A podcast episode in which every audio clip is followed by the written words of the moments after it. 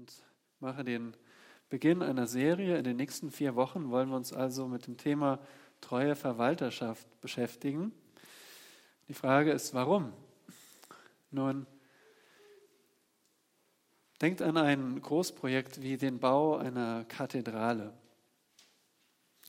Ich habe mal dieses Beispiel gewählt, weil da denken wir an ein, ein großes Gebäude, an ein kolossales Gebäude. Denkt an einen einfachen Steinmetz, der seine Arbeit macht wie jeder andere, der tagtäglich seine Steine in Form bringt, weil sein Chef ihn beauftragt hat.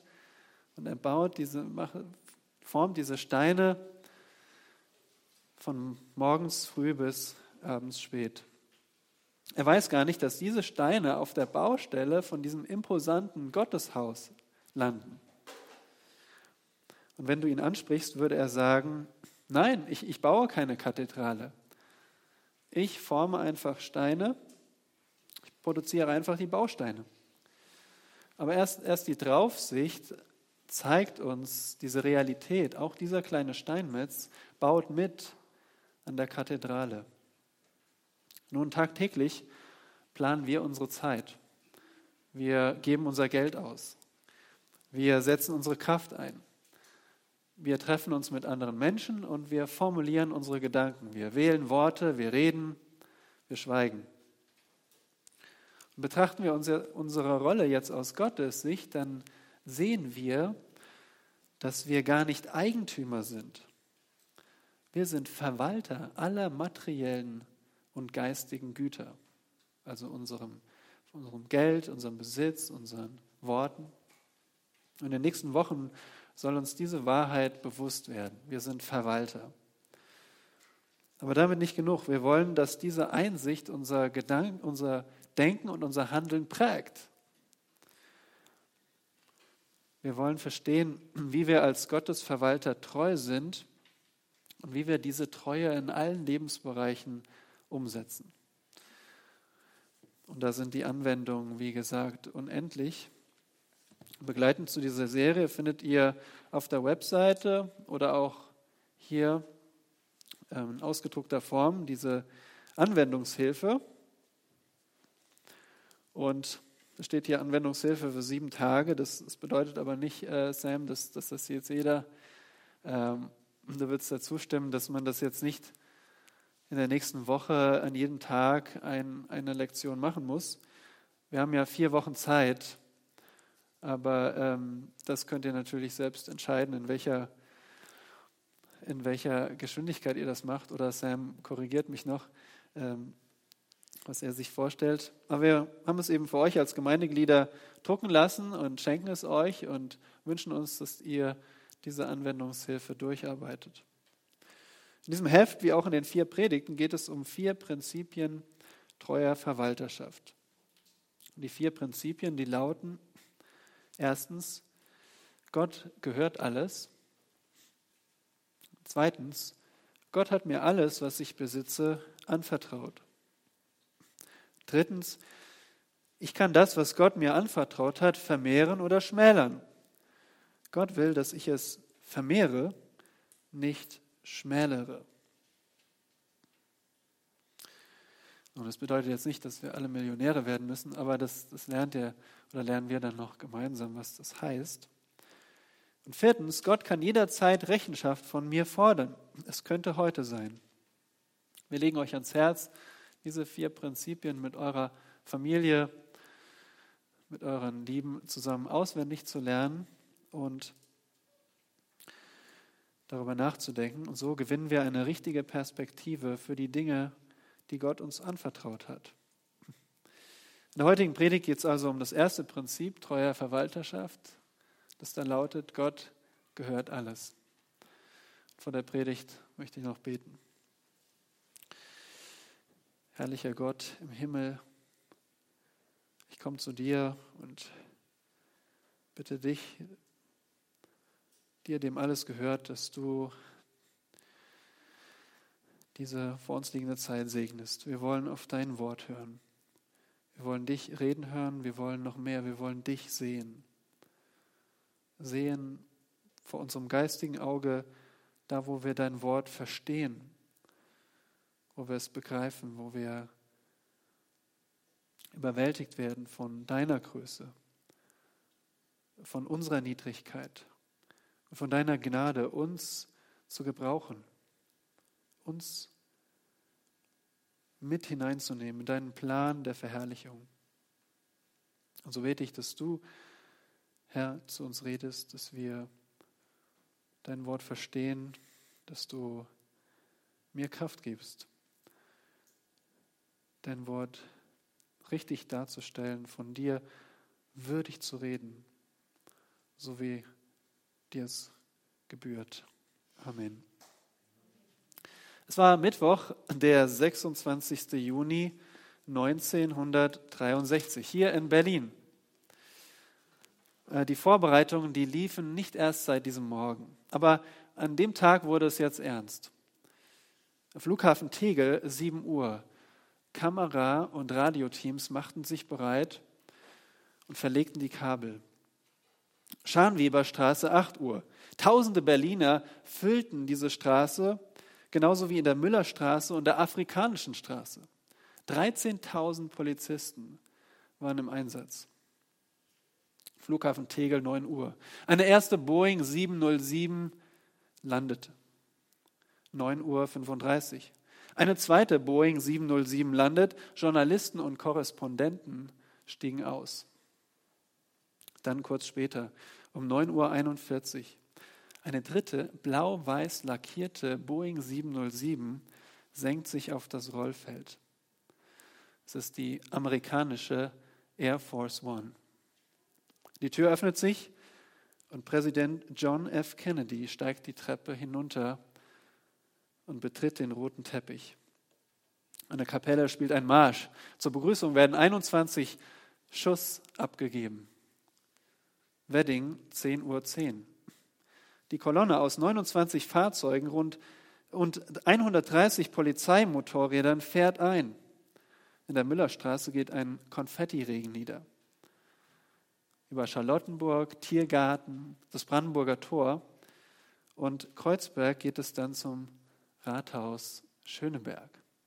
400.000 Berliner erwarten den Präsidenten. Und dort auf dieser extra errichteten Tribüne hält John F. Kennedy unter Jubel seine berühmte Rede, die er mit den Worten endet, ich bin ein Berliner. Ja, so fassen die Autoren der Zeitung Die Welt dieses Geschehen zusammen, des wohl berühmtesten Staatsbesuchs in Berlin. Jetzt die Frage an euch, war jemand von euch dabei? Würde mich mal interessieren. Aber mancher von euch hat vielleicht schon gelebt. Nun, wir, wir kennen diesen Moment auch nur aus der Geschichte. Aber uns leuchtet sofort ein, dass diese Art von Ereignis Vorbereitung brauchte.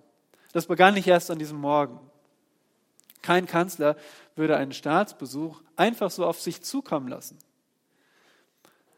Genauso wenig du und ich. Du kennst es von dir selbst, oder? Wenn Besuch kommt, dann bereitest du dich vor.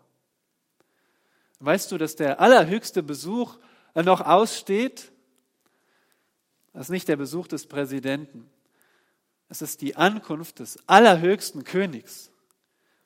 Und für diesen Moment haben wir einen eigenen Psalm. Und das ist Psalm 24. Und dieser Psalm erhebt unsere inneren Augen zu diesem gewaltigen Moment und mahnt uns zur richtigen Vorbereitung. Psalm 24. Ich denke, es ist äh, passend, wenn wir noch einmal aufstehen, wenn es euch möglich ist und diesen Psalm, auf diesen Psalm hören. Wir werden es so machen, dass ihr ab Vers 7 mitlesen dürft. Ab Vers 7, da gibt es zwei Fragen in Vers 8 und in Vers 10. Diese Frage lese ich alleine und ansonsten lesen wir gemeinsam. Ich gebe euch dann ein Zeichen. Ein Psalm Davids. Jahwe gehört die Erde und was sie erfüllt. Der Erdkreis und seine Bewohner. Denn er hat ihn gegründet über den Meeren und befestigt über den Strömen. Wer darf auf den Berg Jahwes steigen? Und wer darf an seiner heiligen Stätte stehen? Wer unschuldige Hände hat und ein reines Herz, wer seine Seele nicht auf Trug richtet und nicht falsch schwört, der wird Segen empfangen von Jahwe und Gerechtigkeit von dem Gott seines Heils.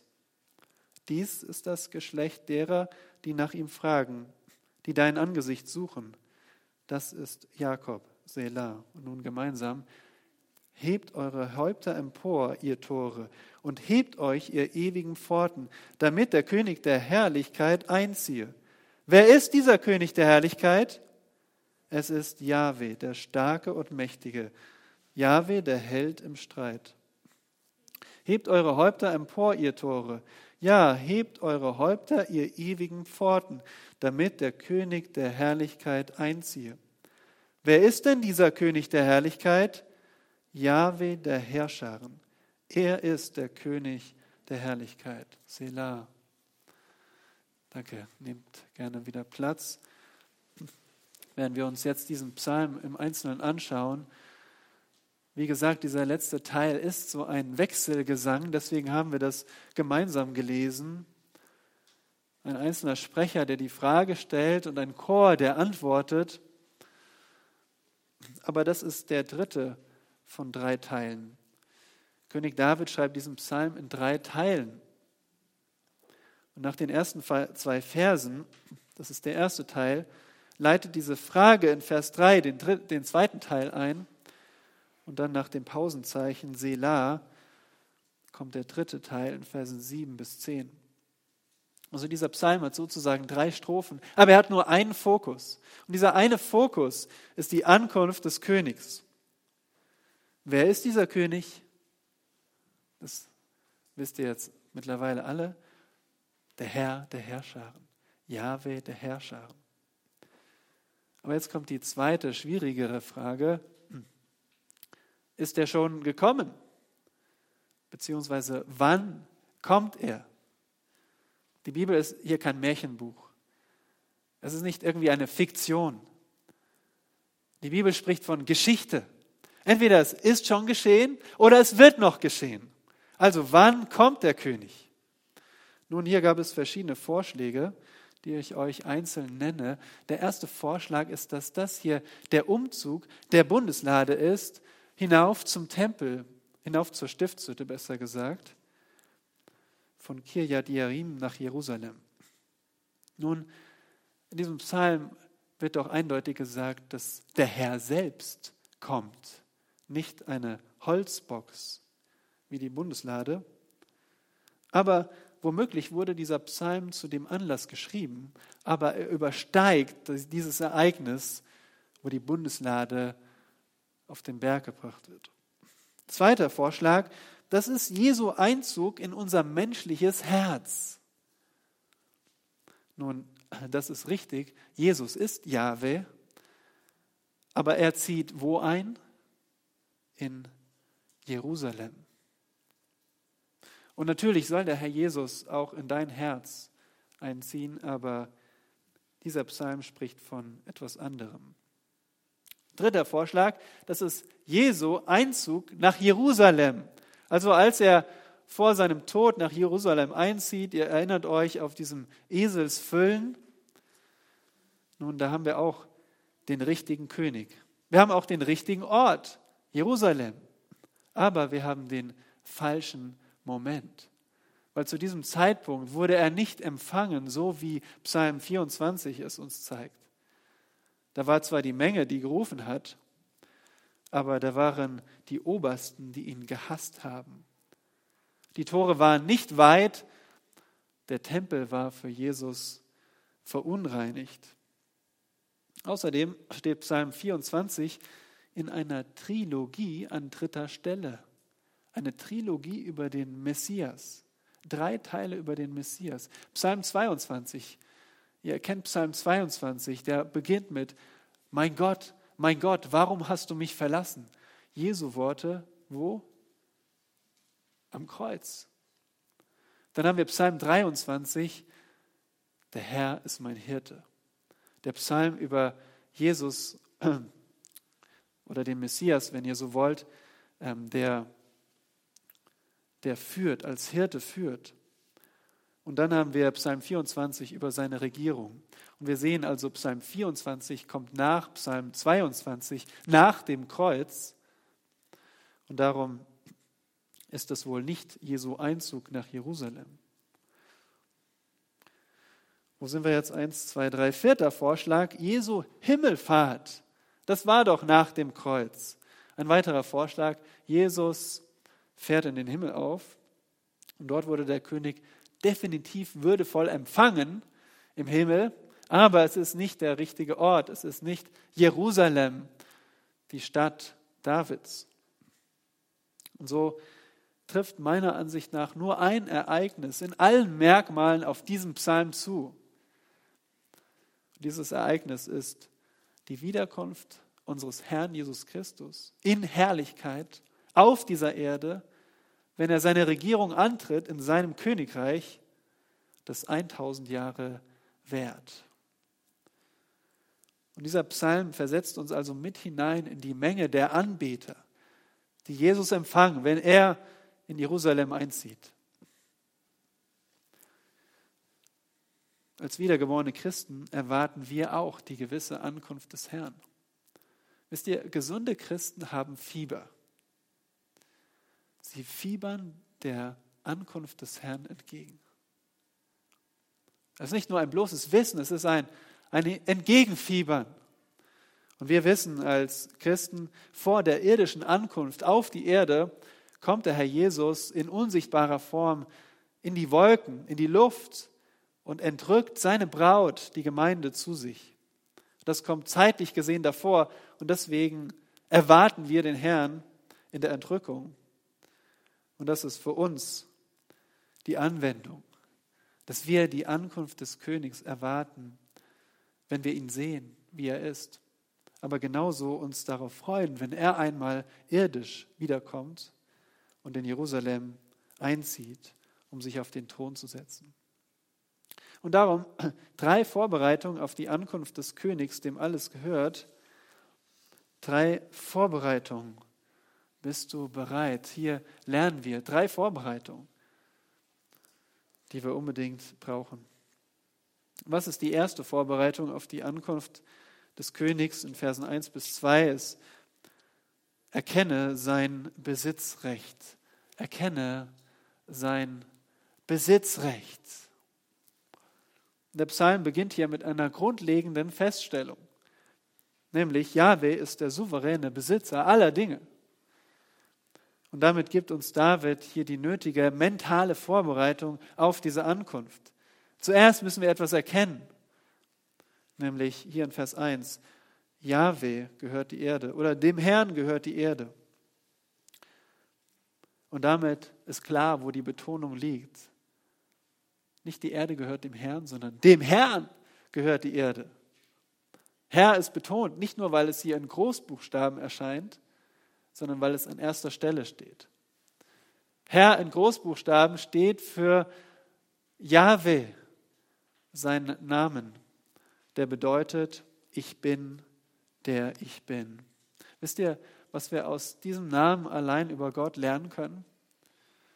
Wir lernen daraus, er ist der selbst existente Gott. In anderen Worten, ich bin der ich bin. Ich brauche niemand anderes.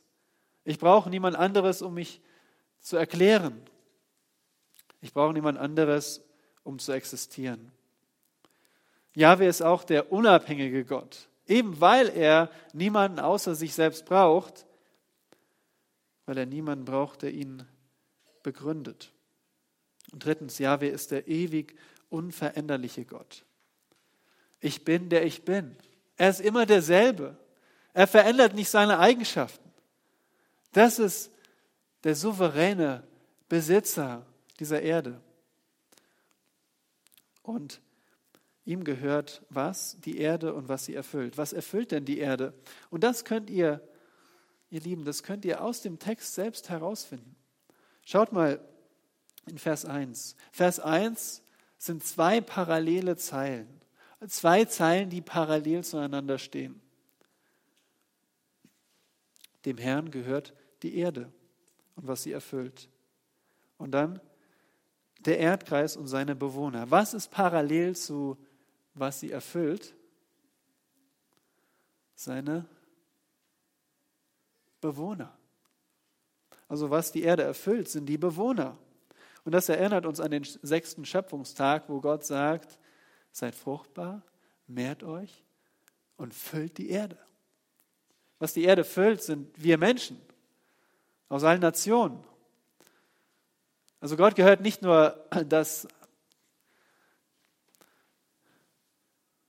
das was die Erde so dekoriert, sondern wir, die Bewohner, gehören dem Herrn. Nun, woran denkst du, wenn du vom Erdkreis liest? Vielleicht denkst du an den Globus.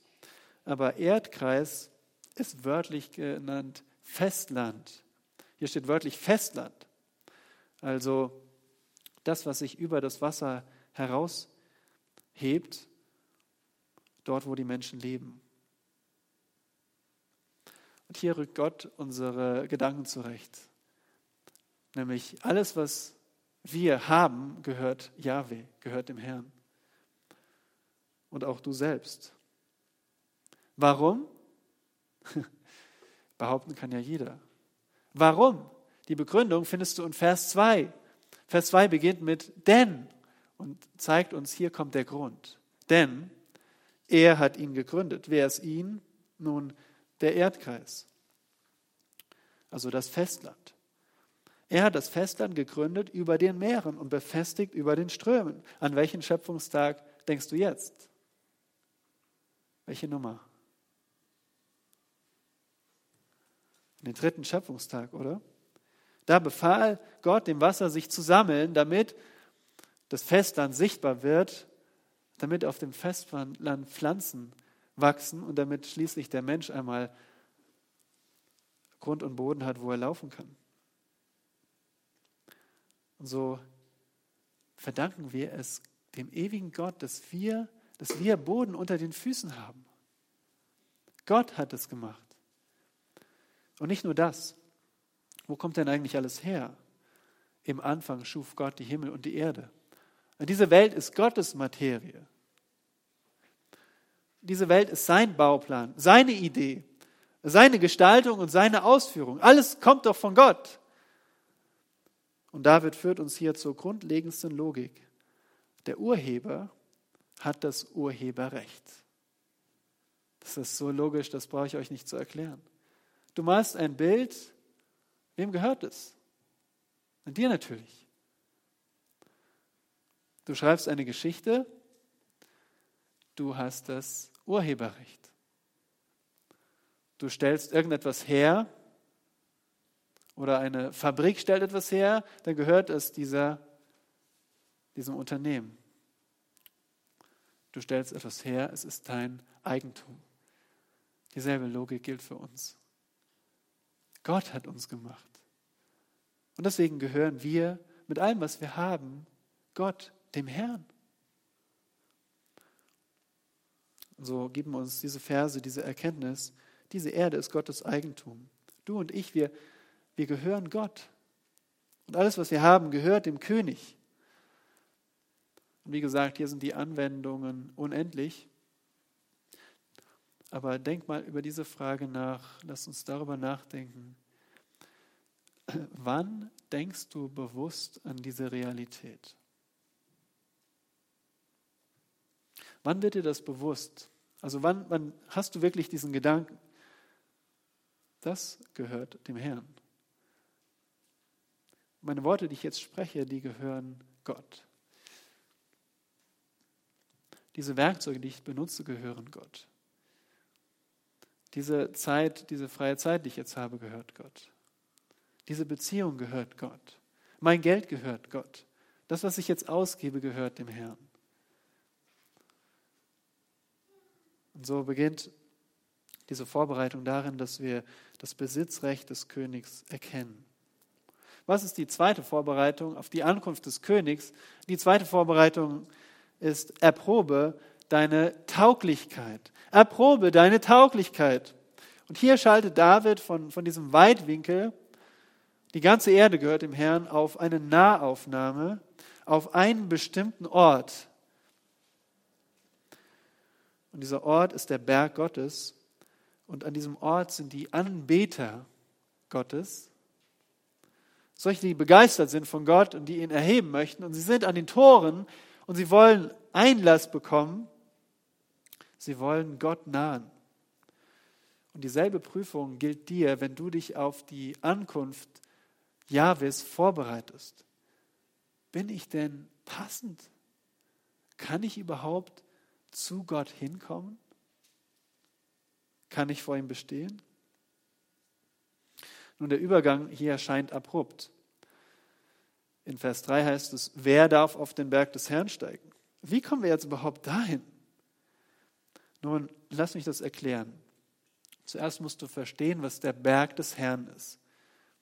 Im Psalm 2, Vers 6 heißt es, ich habe meinen König eingesetzt auf Zion, meinem heiligen Berg, sagt Yahweh. Also, was ist der Berg des Herrn? In anderen Worten ist es Zion. Zion ist ein Begriff für den Berg Jerusalem, wo Jerusalem steht. Und dieser Berg ist Gottes heiliger Berg. Genau dort wird in Zukunft Gottes Sohn regieren. Aber warum war der Berg Zion damals schon wichtig, wenn, wenn der Messias doch erst irgendwann in der Zukunft regiert? Nun, David eroberte Jerusalem und er machte es zu seiner Hauptstadt. Und dann brachte er die Bundeslade hinauf auf diese Hauptstadt, stellte sie in eine Hütte und sein Sohn Salomo schließlich baute den Tempel. Und das lesen wir auch an anderer Stelle. Dieser Berg des Herrn ist der Tempelberg. Also warum ist der Berg Zion besonders? Ihr Lieben, das ist der, der Wohnsitz Gottes. Das ist der Wohnsitz Gottes auf der Erde. Und bei uns gibt es diese bürokratischen Unterschiede zwischen Hauptwohnsitz, Nebenwohnsitz. Für Gott gibt es nicht das. Er hatte einen Ort, einen Wohnsitz. Dieser Berg, der Tempelberg. Und das ist der Berg, wo Yahweh angebetet wird, schon zu Zeiten des Alten Testaments. Und jetzt wird der Zusammenhang klar. Yahweh, Yahweh ist souverän über alle Welt. Und deswegen gebührt ihm Anbetung. Aber nun hat Yahweh einen Ort, wo er besonders gegenwärtig ist. Und wer ihn anbeten will, der kommt dorthin. Aber die Frage ist, kann man überhaupt Gott nahen? Und wer immer sich Gott nahen will, muss sich prüfen anhand von Gottes Heiligkeit. Von Gottes Heiligkeit. Und das passiert hier in Versen 3 bis 6. Wer darf dorthin steigen? In anderen Worten, wer hat die Erlaubnis? Und das spricht hier jeden Menschen an. Das heißt, diese Frage gilt auch dir. Wer darf aus allen Völkern, wer darf zu Gott kommen? Nun, über die Antwort müssen wir nicht nachgrübeln. Sie folgt in Vers 4, wer unschuldige Hände hat und ein reines Herz. Also brauchst du zwei Voraussetzungen. Ein unschuldige Hände und ein reines Herz. Gott betrachtet hier dein Leben aus, aus zwei Blickwinkeln. Das eine ist dein äußeres Leben, das, was man sieht, und das andere, das innere Leben, das, was man nicht sieht. Die Hände stehen hier für dein Handeln. Und um vor Yahweh zu bestehen, müssen deine Taten tadellos sein. Stell dir vor, du gehst in den, in den Supermarkt und kaufst Obst und Gemüse. Was machst du? Nun, wenn es nicht fertig abgepackt ist, dann schaust du dir die einzelnen äh, Exemplare an. Schaust, drehst es vielleicht von links nach rechts, schaust, gibt es da irgendwo Fehlstellen. Und am Ende des Tages, dann sind auch nur noch die da, nicht die schönsten, sondern die, die schrumpeligsten. Du nimmst dir das, was möglichst keine Fehlstellen hat. Und genauso ist es mit Gott. Gott macht keine Kompromisse. Gott akzeptiert nur tadellose Menschen. Aber das reicht allein nicht. Zweitens, Jahwe sieht auch dein Herz. Und das Herz umfasst deine Absichten, deinen Willen, deine Entscheidungen. Das sieht Gott, der Herr. Und es muss absolut rein sein. Also Taten aus absolut reinen Motiven, tadellose Taten aus absolut reinen Motiven, das macht dich passend, um Gott zu nahen. Kurz gesagt, ein vollkommenes Leben. Ein vollkommenes Leben. Und in Vers 4 finden wir einfach nur zwei Beispiele dafür. Das erste ist, wenn ihr nochmal in Vers 4 schaut, wer seine Seele nicht auf Trug richtet. Das ist die erste Auswirkung von einem vollkommenen Leben. Das Wort Trug hier ähm, bedeutet so viel wie Nichtigkeit. Es bedeutet also, könnte sich auf trügerische Götzen beziehen. Bei Götzen denken wir an, an, diese, an diese Figuren, an diese Bilder, vor denen sich die Menschen hingeworfen haben oder sie ihnen gedient haben. Aber Götzen sind alles, was du mit Gott auf eine Stufe stellst. Praktisch gesagt, alle Vergnügungen, die, dir, die dich genauso begeistern wie Gott. Oder wenn du Bequemlichkeit genauso sehr magst oder suchst wie Gott. Wer, wer ist so, dass er seine Seele nicht auf Trug richtet? Nun, das bedeutet praktisch, du begehrst niemals Akzeptanz so sehr wie Gott. Dir ist Anerkennung niemals so wichtig wie Gott. Oder selbst zu bestimmen. Das zählt für dich niemals so sehr wie Gott zu gehorchen. Und du setzt deinen Willen niemals über Gottes Willen. Das ist seine Seele nicht auf Trug richten. Warum ist es überhaupt Betrug, irgendetwas genauso wichtig zu nehmen wie Gott? Nun, Yahweh ist die Quelle aller Glückseligkeit. Jahwe ist unser Schöpfer. Jahwe, von Jahwe fließt alles Gute aus. Von Jahwe kommt jede gute Gabe. Jahwe ist die Quelle aller Glückseligkeit. Wer sich auf irgendetwas anderes richtet, der lebt in Betrug. Und die zweite Auswirkung, wer nicht falsch schwört. In anderen Worten, wer nicht lügt. Und Lügen bedeutet, in irgendeiner Form die Unwahrheit zu sagen. Andere Personen immer wahrheitsgemäß darzustellen, nicht zu lästern. Okay, jetzt haben wir verstanden, wer also passend ist für Yahweh, Gott, passend für diese Ankunft, dabei sein darf. Was empfängt dieser Mann? Was empfängt diese Frau? Vers 5. Der wird Segen empfangen, also von Gott geschenktes Wohlergehen. Segen bedeutet, Gott bereichert dich, aber nicht nur Segen, sondern auch Gerechtigkeit. Was bedeutet nochmal Gerechtigkeit? Und Sam hat schon viel darüber gesprochen in seiner Serie über den Römerbrief, über die Gerechtigkeit. Gerechtigkeit bedeutet Übereinstimmung mit Gottes Maßstab. Gott setzt einen Maßstab, aber nicht irgendwie willkürlich. Gottes Maßstab für uns kommt aus seinem Wesen heraus, weil Gott gerecht ist. Und er kann nur Gerechtigkeit akzeptieren. Und sein Maßstab spiegelt wieder, wie Gott ist. Aber jetzt müsstet ihr sagen, Moment mal, das verstehe ich nicht. Diese Person, die vollkommen lebt, ja, mit unschuldigen Händen und einem reinen Herzen, diese Person, die Gottes Maßstab völlig entspricht, die empfängt jetzt Gerechtigkeit? Die ist doch schon gerecht. Ich bin mir sicher, ihr hattet auch diese Frage, oder? Nun, ich möchte sie beantworten. Die Lösung ist Metonymie. Was bedeutet das? Nun, das, das kennt ihr aus dem Alltag. Man setzt ein Wort, man ersetzt ein Wort für ein ähnliches Wort. Zum Beispiel für den König setzt man einfach Krone ein. Die Krone regiert. Versteht man, oder? Krone steht für den König. Oder in der Bibel gibt es einen anderen Begriff, das Schwert frisst.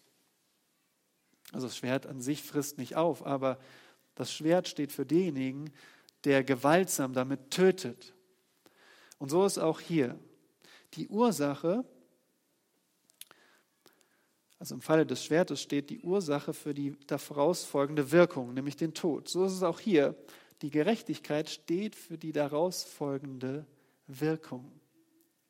Was ist die Wirkung von Gerechtigkeit vor Gott? Wir nennen es Rechtfertigung.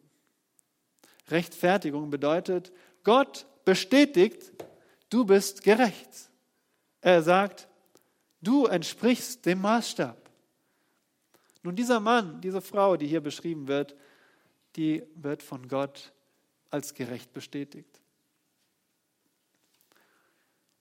Und jetzt, wo wir wissen, wer zu Jahwe kommen kann, was ist deine Reaktion?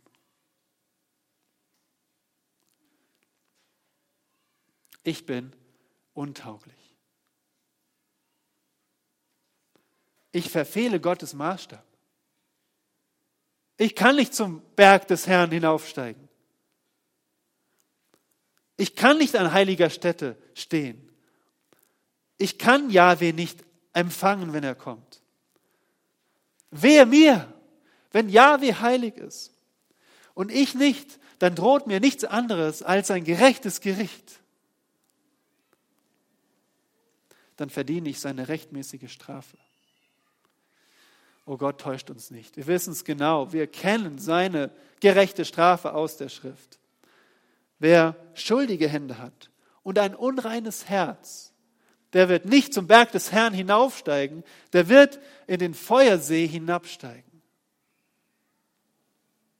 Er wird niemals den Himmel erleben, er wird ewig die Hölle erleiden.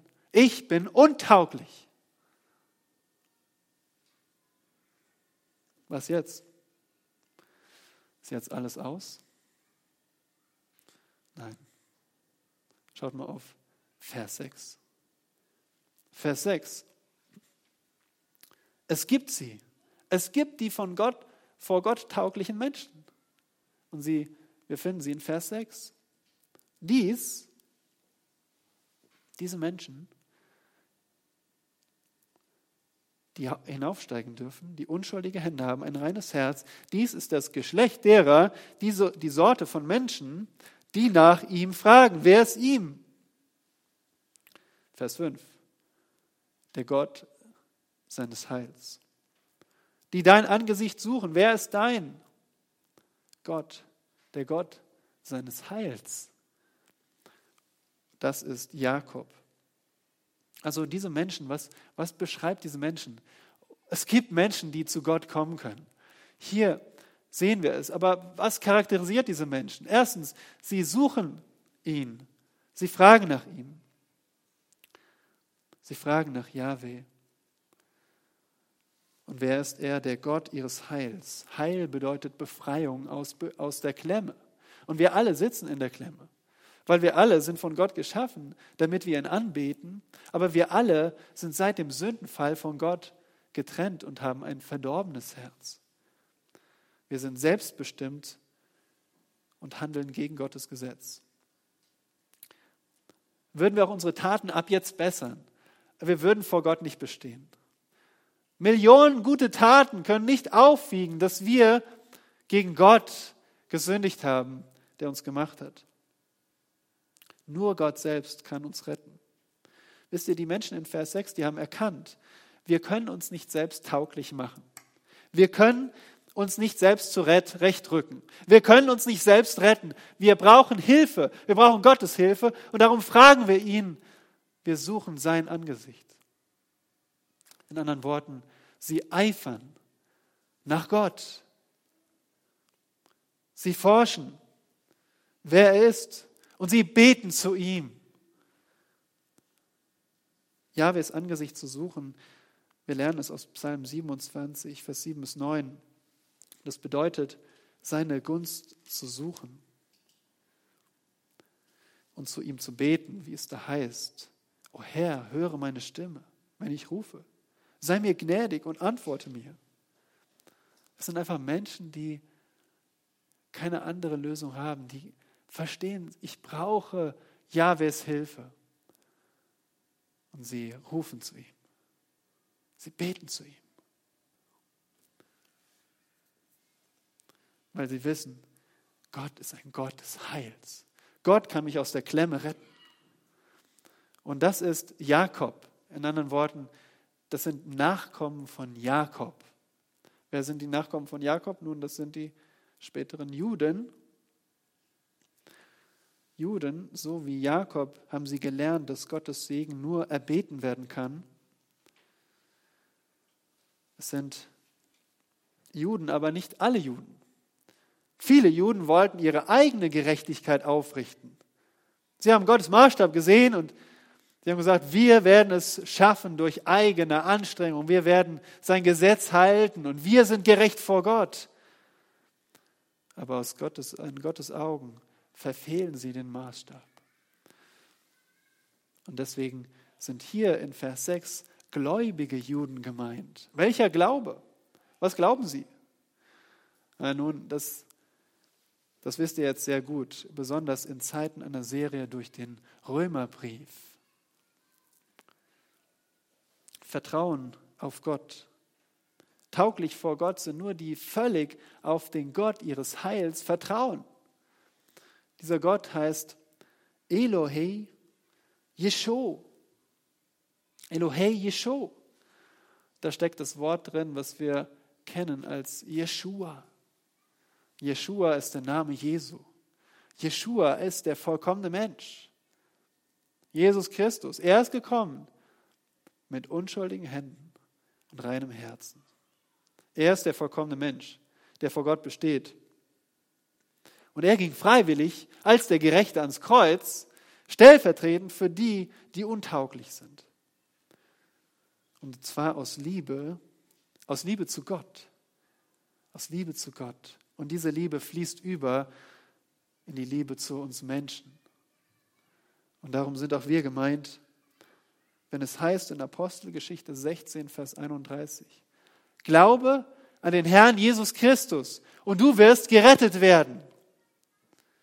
Oder in Apostelgeschichte 2, Vers 21. Jeder, der den Namen des Herrn anruft, wird errettet werden. Hast du das schon getan? Hast du den Gott des Heils angerufen? Denn dann, da gehörst du dazu. Da gehörst du dazu.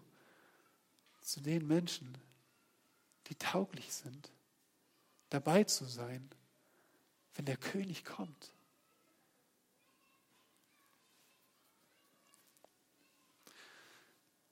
Was bedeutet es für uns, die wir Christen sind? Nun, wir wissen das. Wir, wir freuen uns jeden Tag darüber hoffentlich, dass wir unverdientermaßen gerechtfertigt sind aufgrund des Blutes Jesu. Aber wir, wir ruhen uns jetzt nicht aus. Wir sehen diese Anforderung, unschuldige Hände und ein reines Herz, und wir wollen so werden. Wir wollen jeden Tag mehr so werden wie Jesus Christus. Wir wollen im Wandel so werden, wie es wir in der Stellung nach schon sind. Wir wollen im Wandel so werden, wie wir in Christus aus Gottes Sicht schon sind, gerecht. Das ist unser Ansporn. Darum eifere danach, eifere danach, Christus in dieser Hinsicht ähnlich zu werden mit reinem Herzen und unschuldigen Händen. Und versäume nicht zu beten, weil genauso wenig wie wir ohne Gebet errettet werden, so werden wir auch nicht ohne Gebet geheiligt werden. Aber nun zu der eigentlichen Ankunft. Versen 7 bis 10. Was ist die dritte Vorbereitung auf die Ankunft des Königs? Erhebe seinen Sieg.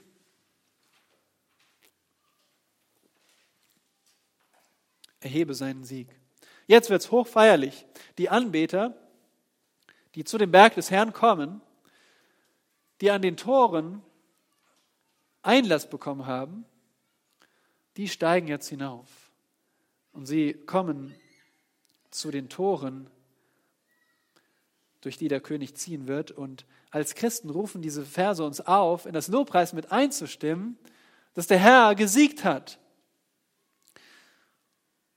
Und wir finden also hier den triumphalen Höhepunkt. Versetz dich mal bitte hinein in diesen Moment, okay? Das ist ein einzigartiger Moment. Der König kommt. Stellt euch vor, diesen, diesen ungetrübten Jubel, diesen ungetrübten Jubel der Anbeter. Stellt euch vor, diese vielleicht bunten Fahnen, die winkenden Arme. Es ist blauer Himmel. Es ist ein strahlendes Licht. Es sind glänzende Instrumente, die hier spielen. Äh, sie spielen ein Crescendo. Es wird, es wird immer lauter. Und es, es ist ein voller Klang. Nicht so ein Klang aus dem Handy, sondern ein voller Klang aus, wie wenn du überall Lautsprecher hast aus jeder Richtung. Ein voller Klang zur Ehre des Königs. Und gleich viermal erschallt der erste und einzige Befehl in diesem Psalm, hebt eure Häupter, ihr Tore. Sind es die Stadttore, die Hoftore, die Tempeltore, egal welche, kein Tor ist ausgenommen. Alle Tore müssen sich heben. Und diese Tore werden hier angesprochen, als wären sie Lebewesen. Aber Tore sind auch keine Lebewesen, aber sie werden wie Personen angesprochen. In anderen Worten, hebt euch, macht euch groß. Ihr könnt nicht hoch genug sein, weil der König kommt. Und der König hat die höchste Autorität. Es ist kein König äh, wie bei manchen Staaten, wo der König so, so eine Repräsentantfigur ist. Und es gibt eine königliche Hochzeit und das wird im Fernsehen übertragen, aber eigentlich regiert ein anderer, eigentlich regiert das Parlament oder so. Nein, das ist der König, der höchste Autorität hat. Und er kommt der König der Herrlichkeit. Fünfmal in den vier Versen heißt er der König der Herrlichkeit. Wer ist dieser König? Es ist der Herr, es ist Yahweh. Und als König besitzt er unerreichte Weisheit, unbezwungene Macht, unangegriffene Autorität. Dieser König ist Gott selbst. Aber wo kommt er her? Schaut mal auf Vers 8, da steht, es ist Jahwe, der Starke und Mächtige. Jahwe, der Held im Streit. Dieser König, der kommt, der kommt vom Kampf her. Er hat gekämpft, er hat Krieg geführt und er war siegreich und er triumphiert. Und jetzt zieht er ein in die Stadt. Welche Verse werden hier wiederholt? Nun, Vers 7 und 8 werden wiederholt in Vers 9 und 10. Wir fragen uns, warum wird das wiederholt? Einmal reicht doch. Nun, Wiederholung bedeutet nicht hier mangelnde Kreativität. Wiederholung bedeutet Betonung. Wiederholung bedeutet Unterstreichung. Aber das Ende der Wiederholung klingt anders. In Vers 10 spricht es nicht von dem Held im Streit, sondern da steht, Jahwe der Herrscher, er ist der König der Herrlichkeit. Damit endet dieser Psalm mit dem König der Herrlichkeit. Und was hier betont wird, ist Gottes Eigenschaft der Herrlichkeit. Er ist herrlich. Und wenn wir irgendetwas über Gott verstehen müssen, dann seine Herrlichkeit. Herrlich im Hebräischen bedeutet schwer.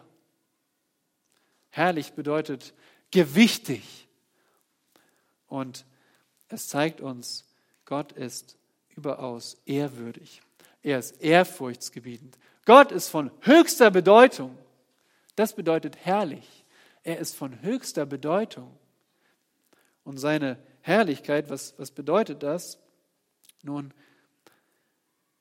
worin liegt seine Bedeutung? Das können wir uns selbst sogar erklären und nachvollziehen. Wenn herrlich bedeutet, Gott ist von höchster Bedeutung, was ist denn seine höchste Bedeutung? Warum ist er so bedeutsam? Nun, weil er Liebe ist? Ja. Weil er heilig ist? Auch. Weil er barmherzig ist? Sicher. Also welche Eigenschaft sollen wir jetzt wählen? Alle. Seine Herrlichkeit ist die Summe aller seiner Eigenschaften.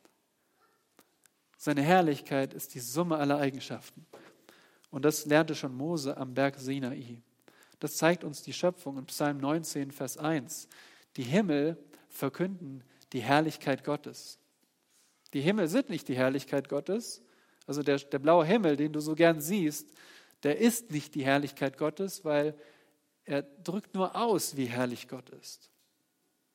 Drückt seine Eigenschaften aus. Aber Jahwes Herrlichkeit ist auch zweitens seine eigene Ausstrahlung. Und das sehen wir in der gesamten Schrift. Geht mal mit mir einen, einen kurzen Streifzug durch die Bibel. Jahwe ist vor aller Zeit war er schon da. Und er hat geschaffen zu einem bestimmten Moment. Was schuf Jahwe zuerst?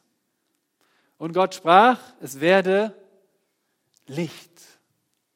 Die Schöpfung beginnt mit Gottes Licht.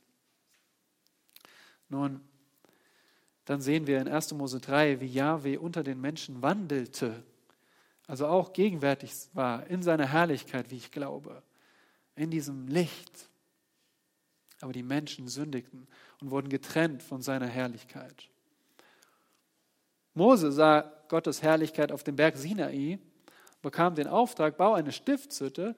Und Mose baute diese Stiftshütte. Und was passierte am Ende? Die Herrlichkeit Gottes nahm Wohnung in der Stiftshütte. Die Wolkensäule, die Ausstrahlung von Gottes Herrlichkeit. Später in 1. Könige 8 zieht die Herrlichkeit Gottes wo ein? In den Tempel Salomos. Und in Hesekiel 10 verlässt die Herrlichkeit Gottes den Tempel in Richtung Osten. Aufgrund der Sünde der Israeliten. 600 Jahre später zieht der Messias in den Tempel ein. Und der Messias, Jesus, er ist mit ihm kommt die Herrlichkeit als das Eingeborene vom Vater, voller Gnade und Wahrheit, Johannes 1, Vers 14. Gottes Herrlichkeit wird sichtbar am Kreuz, aber nicht für die blinden Ungläubigen. Da, wo die Finsternis über dem Land lag und die Menschen die Herrlichkeit nicht sahen, da wurden Gottes Eigenschaften demonstriert am Kreuz. Und dann Triumphal stand der Herr Jesus auf und er fuhr in den Himmel auf. Und jetzt wartet die ganze Schöpfung auf sein zweites Kommen, wie es im Alten Testament verheißen wird und im Neuen Testament angekündigt wird, wenn Jesus sagt, dass er wiederkommt in Herrlichkeit.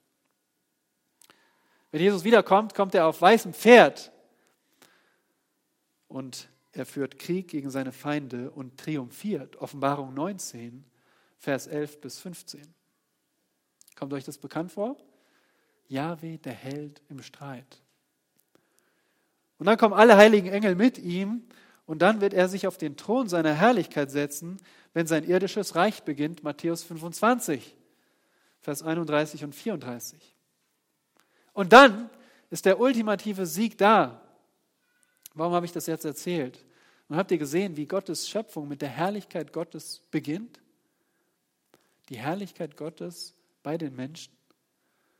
Und dann dieser Schnitt, die Menschen werden getrennt von Gott. Gottes Herrlichkeit wohnt immer noch unter ihnen, aber, aber nur bestimmte Leute dürfen sich ihm nahen. Er wohnt im Allerheiligsten. Und dann verlässt er sogar den Tempel. Und dann kommt der Herr Jesus, aber er wird gehasst und getötet. Und seitdem wartet die Schöpfung darauf, dass Gottes Herrlichkeit wieder unter uns wohnt. Und wisst ihr was? Im Psalm 24, da wird es erfüllt.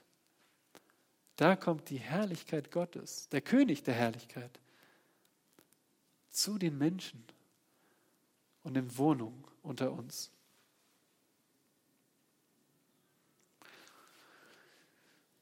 Nun, wenn unser Herr, unser König Jesus triumphal einzieht an diesem Tag und du dabei bist, dann brauche ich dich nicht zu fragen, wie findest du das? Du wirst mit mir nur mit, mit offenen Augen dastehen und sagen, das ist herrlich. Du wirst keinen Vergleich haben. Das ist Herrlichkeit. Herrlichkeit, wie ich sie noch nie gesehen habe. Und was tun wir heute damit? Ganz einfach, bereite dich darauf vor. Erstens, erkenne das Besitzrecht des Königs. Erkenne, dass ihm alles gehört. Zweitens, erprobe deine Tauglichkeit. Bekehre dich zu dem Herrn Jesus Christus, wenn du deine Untauglichkeit erkennst. Tu es heute. Und wenn du durch deinen Glauben schon gerecht gesprochen bist, dann eifere als neuer Mensch, eifere danach im Handeln tadellos und im Denken rein zu sein. Und schließlich erhebe schon jetzt Jesu Sieg. Hat er schon gesiegt? Ja, er hat gesiegt am Kreuz, sagt Kolosser 2. Er hat triumphiert über die Dämonen, über die Mächte, über den Teufel. Er hat die Todgeweihten gerettet, indem er den Tod auf sich selbst genommen hat. Er hat am Grab gesiegt. Er war wirklich tot und dann ist er auferstanden. Am Grab hat er gesiegt. Tod, wo ist dein Stachel? Dein Sieg ist verschlungen. Der Tod ist verschlungen im Sieg. Und darum erheben wir ihn jetzt schon dafür. Wir brauchen nicht warten. Wir brauchen nicht auf diesen Tag warten, wenn er wiederkommt.